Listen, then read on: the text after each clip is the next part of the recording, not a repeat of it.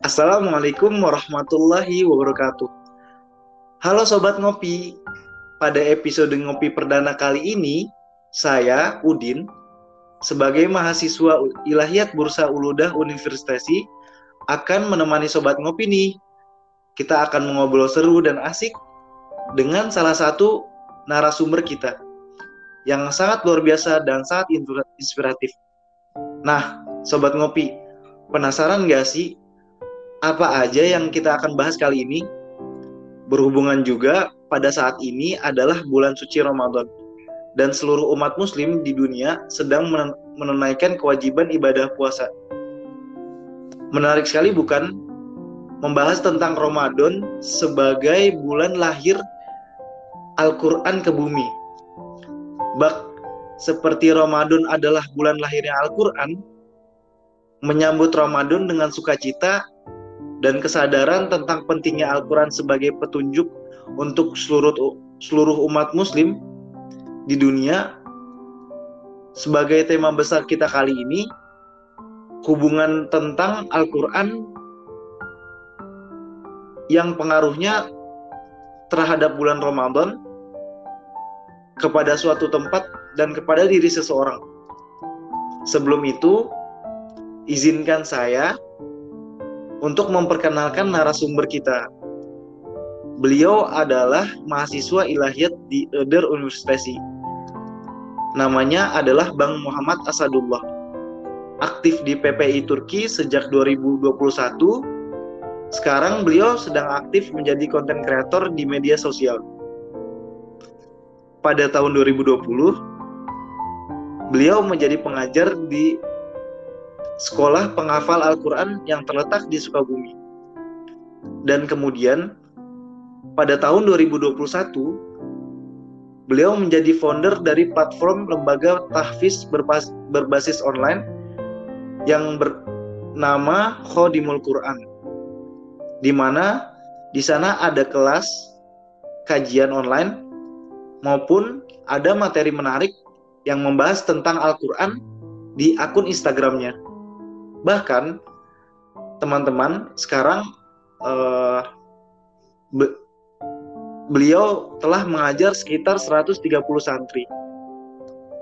Langsung saja kita sambut nih narasumber kita, Bang Asad. Halo Bang, selamat datang Mas Gildin. Halo, Assalamualaikum. Halo Bang, terima kasih sudah mau bergabung dengan podcast Ngopi kali ini Bang. Bagaimana kabarnya Bang? Alhamdulillah baik banget, alhamdulillah sehat. Alhamdulillah. Antum gimana sehat? Alhamdulillah bang. Alhamdulillah. Bagaimana bang puasa di Turki tahun ini? Untuk puasa sih agak beda aja kali ya sama di Indo kan. Karena durasi kan, durasi itu agak lama kan sekitar 16 jam sampai 17 jam. Ini agak beda aja kan. Jadi masih membiasakan lah. Tapi alhamdulillah masih aman lah. Alhamdulillah. Nah, Bang, sobat-sobat ngopi kali ini pengen banget nih ngedengerin kita ten ngebahas tentang uh, hubungan Al-Qur'an dengan uh, Ramadan.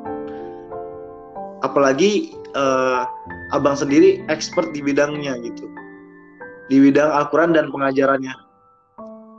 Mungkin Bang Asad bisa nih ngejelasin ke kita bagaimana cara memperbanyak interaksi Al-Qur'an di bulan Ramadan.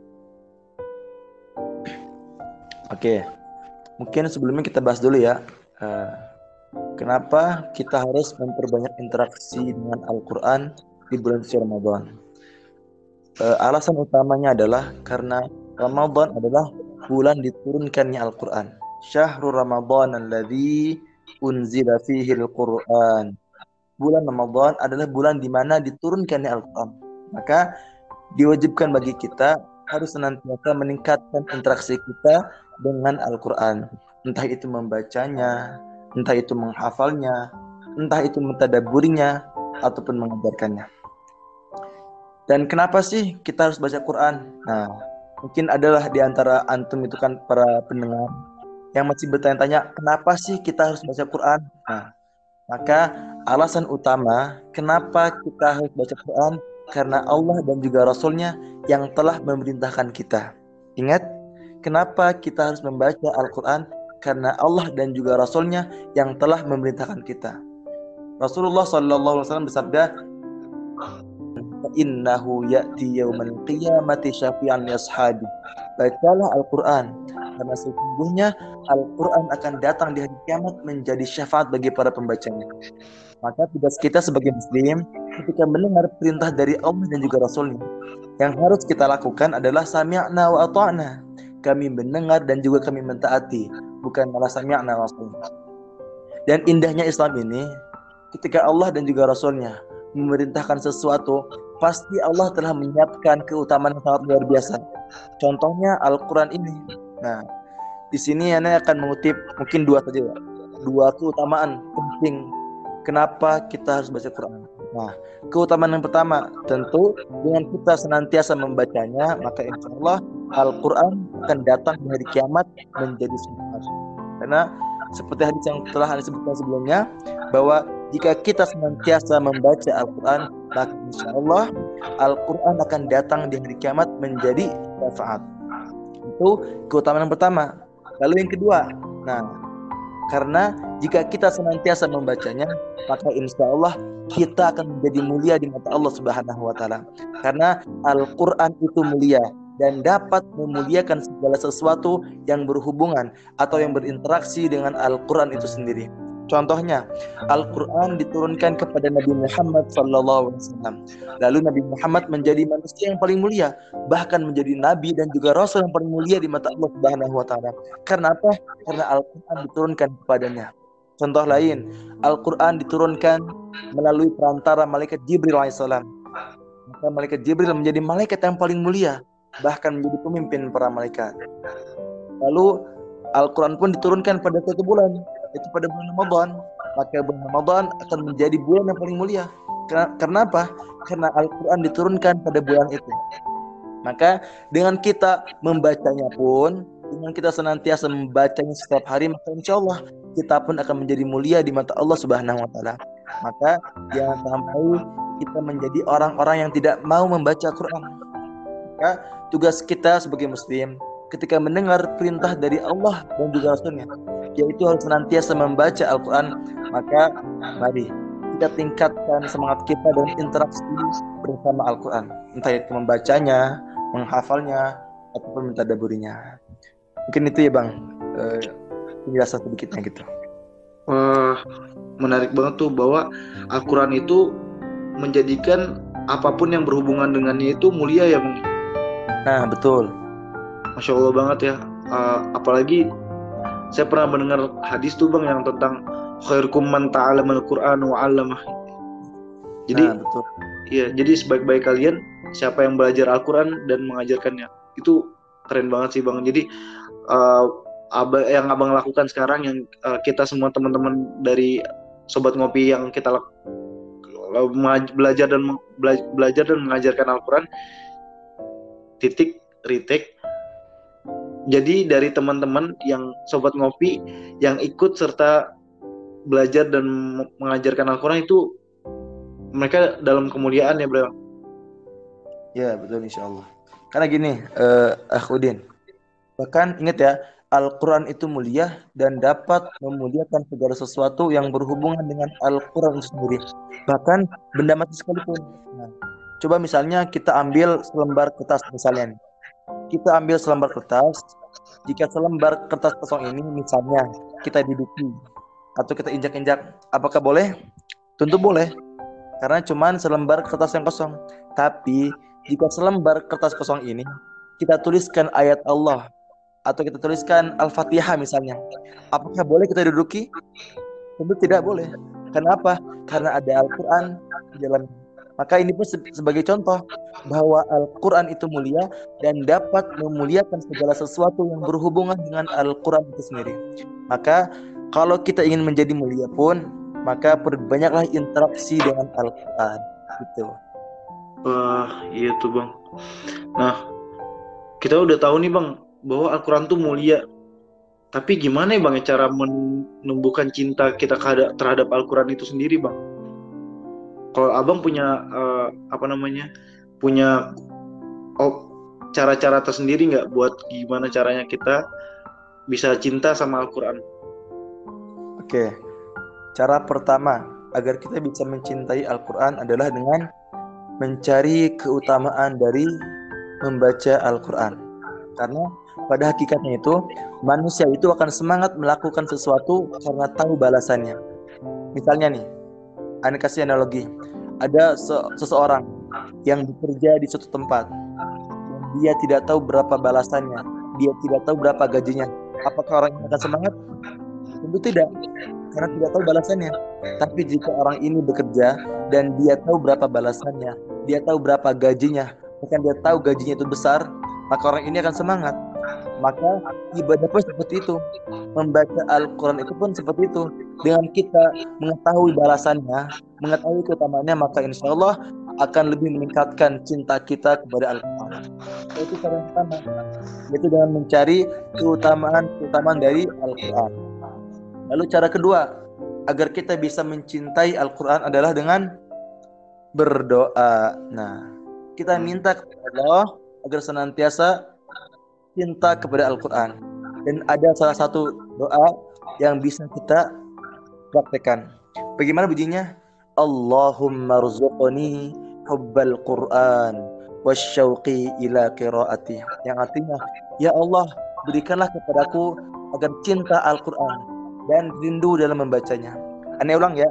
Allahumma rzuqni hubbal Qur'an wasyauqi ila qiraati. Artinya, ya Allah, berikanlah kepada hamba untuk mencintai Al-Qur'an dan rindu dalam membacanya. Maka perbanyaklah berdoa seperti ini. Insya Allah, jika kita senantiasa meminta kepada Allah, maka Allah akan kabulkan. Karena Allah pun telah berjanji dalam surat 2 ayat 60. Uda'uni astajib lakum. Ini kata Allah, berdoalah kepadaku, niscaya aku akan kabulkan untukmu. Maka tugas kita sebagai hamba, jika ingin mendapatkan sesuatu, maka mintalah kepada Allah. Kita berdoa kepada Allah agar mendapatkan apa yang kita inginkan tentu uh, cinta cinta dengan Al-Quran seperti, seperti itu. Jika kita ingin mendapatkan cinta dengan Al-Quran, maka mintalah kepada Allah. Kita berdoa kepada Allah agar senantiasa diberikan cinta kepada Al-Quran. Maka itulah dua cara agar kita bisa senantiasa cinta dengan Al-Quran. Yang pertama tadi apa? Mengetahui keutamaan-keutamaan dari Al-Quran. Yang kedua, dengan memperbanyak doa kepada Allah Subhanahu wa taala. Kita meminta kepada Allah agar bisa mencintai Al-Quran. Yang ketiga, kita harus mencari yang namanya lingkungan yang mendukung. Nah, entah itu teman dan juga tempat. Karena dengan lingkungan yang mendukung, maka insya Allah kita pun akan bisa mencintai Al-Quran. Maka itulah tiga poin penting agar kita bisa mencintai Al-Quran. Itu. Wah, berarti kalau misalkan mau cinta sama Al-Quran itu, mungkin yang awalnya nggak punya rasa dengan Al-Quran kayak uh, apa namanya kok kenapa nggak ada rasa ingin membaca dan sebagainya itu tadi gimana mencari keutamaan dari cara uh, membaca Al-Quran kemudian habis itu berdoa kepada Allah agar diberikan cinta terhadap Al-Quran gitu ya bang ya. ya. Terus yang ketiga adalah mencari lingkungan sebagaimana ya. lingkungan itu penting banget ya bang ya berarti. Sangat penting. Bahkan wajib kita mencari lingkungan yang mendukung. Karena Eh, agama seseorang itu dinilai dari lingkungannya, dari temannya. Ini kata Rasul, agama seseorang dinilai dari temannya, lingkungannya. Maka carilah lingkungan atau tempat dan teman yang mendukung kita dalam beribadah kepada Allah Subhanahu wa taala. Wah. Oh, terakhir nih Bang, uh, bagaimana bagaimana nih menurut Abang caranya untuk meningkatkan semangat kita dalam beribadah di bulan Ramadan. Padahal kan eh, nggak tahu ya sekarang di bulan Ramadan ini kerasa banget ketika apalagi yang ada di Turki kita uh, ketika memang nggak semangat Ramadan ya udah gitu nggak ada semangat benar-benar nggak ada semangatnya. Tapi kalau misalkan uh, orang yang semangat buat di bulan Ramadan mereka yang siap buat ngehatamin Quran, mentadaburi Quran kayak gitu. Oke oke oke. Jadi bagaimana caranya agar kita bisa meningkatkan semangat kita di bulan suci Ramadan? Cara yang pertama adalah dengan mengetahui tujuan utama kita diciptakan. Ingatlah tujuan utama kita diciptakan untuk apa?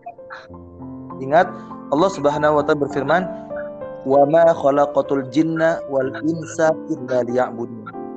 Allah berfirman, "Tidaklah aku menciptakan jin dan juga manusia illa liya'budun, kecuali untuk beribadah kepadaku." Maka ingatlah tujuan utama kita diciptakan untuk apa? Untuk beribadah kepada Allah Subhanahu wa taala. Maka sungguh aneh jika ada orang yang telah diberikan kesempatan di bulan Ramadan namun dia malah menyia-nyiakannya.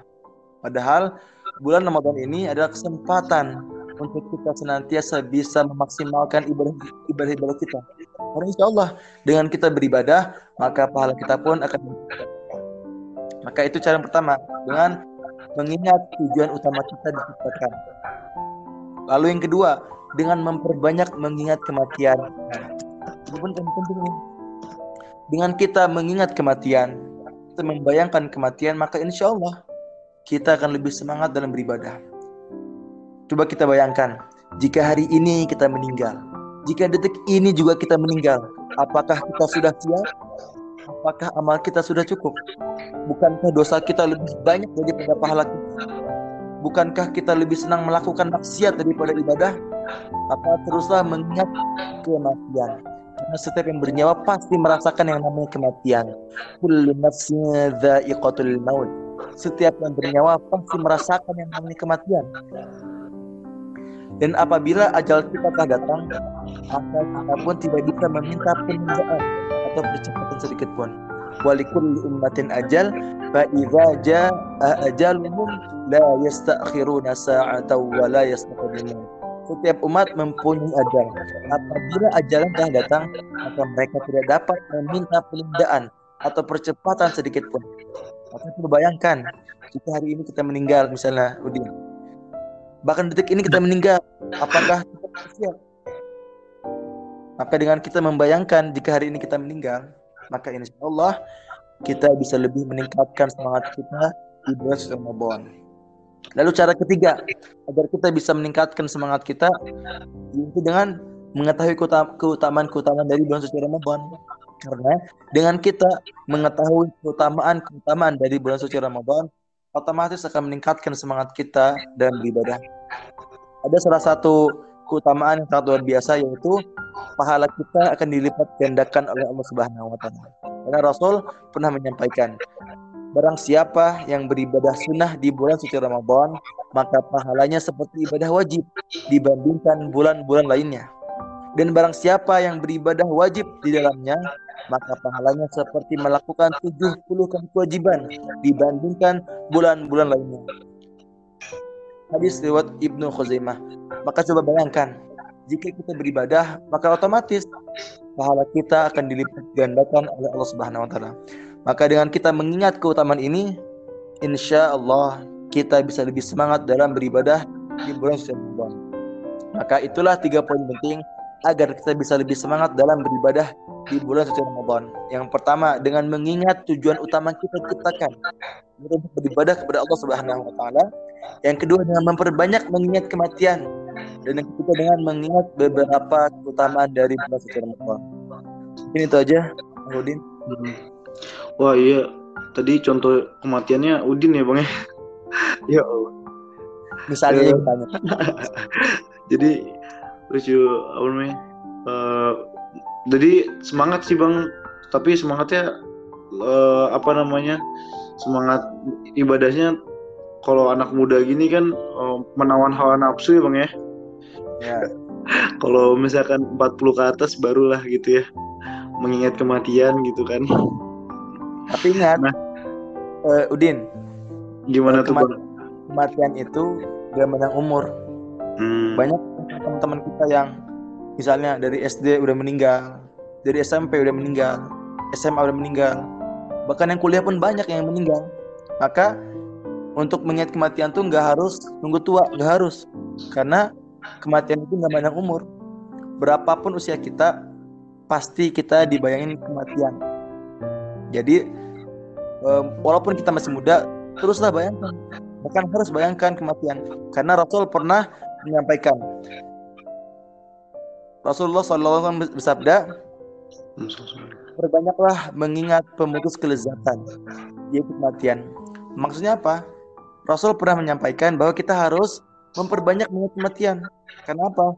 Untuk senantiasa bersyukur kepada Allah dan juga senantiasa meningkatkan ibadah kita kepada Allah Subhanahu wa taala. Maka berapapun umur kita, kita harus mengingat kematian. Gitu aku dia. Wah menarik banget nih bang uh, tentang kematian. Enggak tentang Quran yang ada di bulan Ramadan.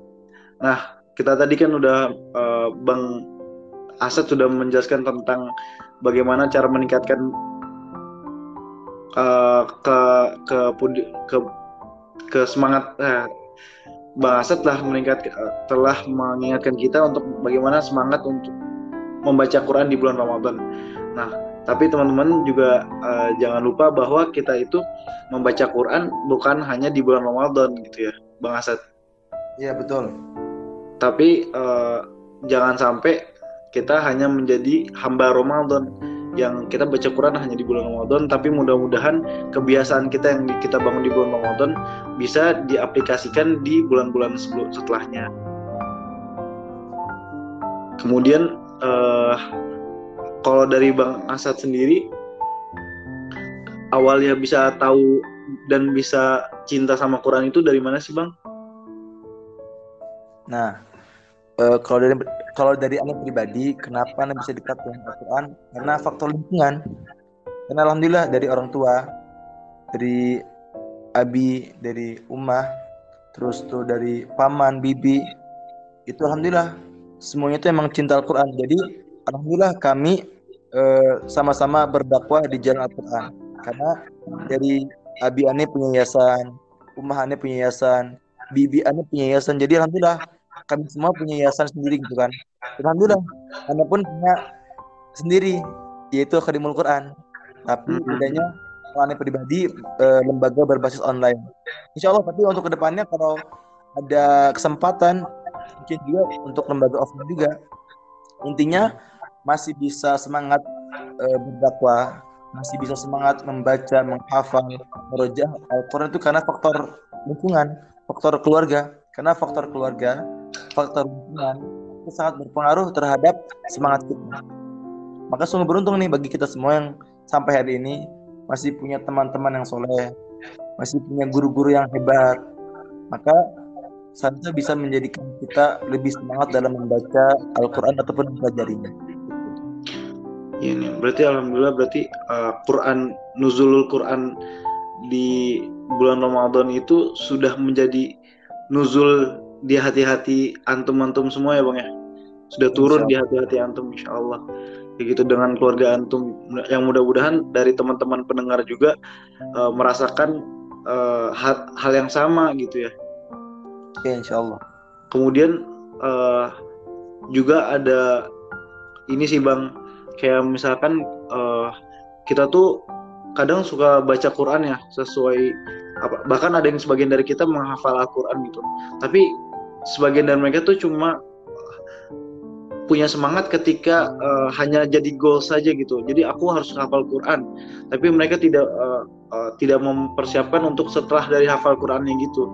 Nah itu uh, menurut abang gimana tuh?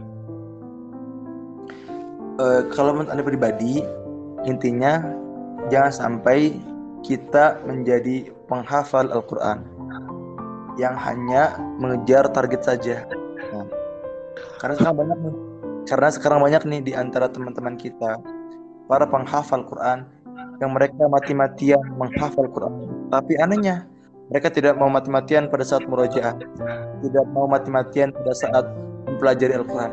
Maka kalau seperti ini patut dipertanyakan hatinya, patut dipertanyakan niatnya. Niatnya karena Allah Subhanahu Wa Taala, apa karena manusia? Dan kita misalnya menghafal Al-Quran Jangan sampai karena hal-hal duniawi.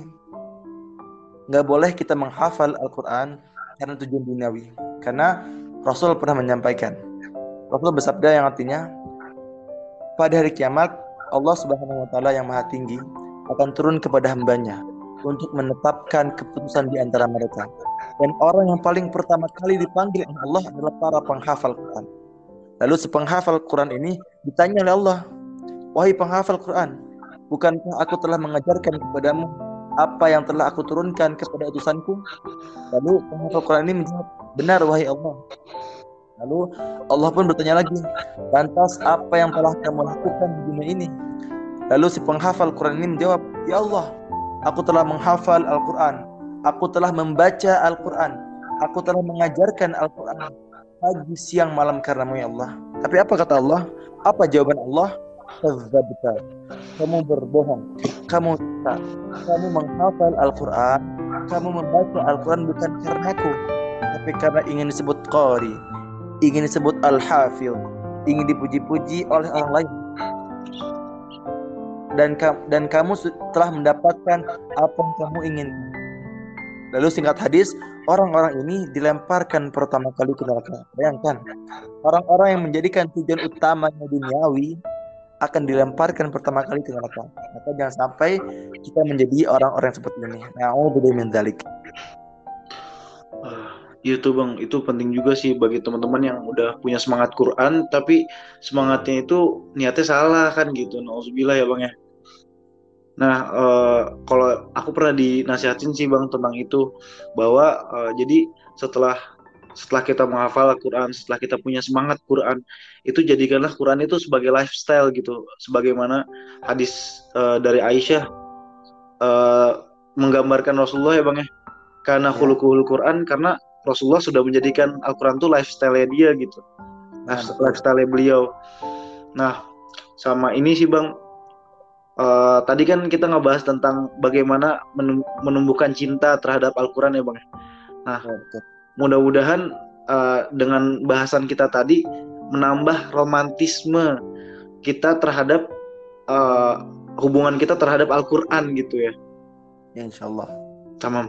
Bukan hanya di dunia, tapi juga sampai uh, ke akhirat insya Allah. insya Allah. Bahkan yang tadi antum sampaikan di awal banget uh, tentang Al-Quran itu nanti bakal datang syafi'an li ashabi dia bakal datang hmm. sebagai syafaat penolong. Bahwa dulu oh ini teman dia adalah teman yang selalu membaca saya. Terus selalu uh, apa namanya selalu mengaplikasikan apa yang ada di dalam saya gitu. Misalkan kayak gitu ya bang ya. Wah betul. Wah seru banget ya masya Allah. Nah terakhir bang uh, mungkin closing statement sebelum kita tutup nih podcast kali ini. Mudah-mudahan uh, sebagai pengingat buat teman-teman nih closing statement dari antum dari apa yang kita telah bahas sekitar 30 menit ini. Bismillah. Uh, kalau dari aneh nasihat terakhir tingkatkan interaksi kita dengan Al-Quran. Entah itu menghafal, entah itu membacanya, entah itu mentadaburinya, entah itu mengajarkannya. Karena insya Allah dengan kita senantiasa berinteraksi dengan Al-Quran insya Allah kita akan menjadi mulia di mata Allah Subhanahu Wa Taala. Karena ingat Al-Quran itu mulia dan dapat memuliakan segala sesuatu yang berhubungan atau yang berinteraksi dengan Al-Quran itu sendiri. Maka sungguh beruntung bagi kita semua yang senantiasa membacanya, senantiasa menghafalnya. Karena insya Allah kita akan mendapatkan keutamaan yang sangat biasa di sisi Allah Subhanahu Wa Taala. Maka jangan lupa banyak interaksi dengan Al-Quran. Mungkin itu aja. Wah, alhamdulillah ya. Uh, tingkatkan interaksi dengan Quran di Ramadan maupun di luar Ramadan, gitu kali ya bang ya. Betul. Alhamdulillah. Tamam, alhamdulillah setelah sampailah uh, kepada akhir dari podcast ini. Mudah-mudahan podcast ini menjadi uh, manfaat buat yang mendengarkan dari tadi dan kemudian uh, juga teman-teman jangan lupa tetap stay tune ya di podcast ngopi uh, Departemen Keagamaan periode 2002 Departemen Keagamaan de, periode 2022 2023 dan juga uh, mudah-mudahan teman-teman bisa mengambil manfaat dari apa yang kita telah sampaikan di sini. Makasih banyak Bang Asad telah menyampaikan apa namanya materi yang bagus banget, masya Allah. Siap, insya Allah. Uh, makasih juga telah bergabung. Mudah-mudahan ada manfaatnya dan bisa diambil juga sama teman-teman nih menjadi amal jariah. Amin, insya Allah. Tamam. Uh, haya nakhtim bidua kafaratul majlis. Subhanakallahumma wa bihamdika Astaghfirullah wa atubu ilaik. Uh, makasih banyak bang sekali lagi mohon maaf kalau ada salahnya assalamualaikum warahmatullahi wabarakatuh Waalaikumsalam warahmatullahi wabarakatuh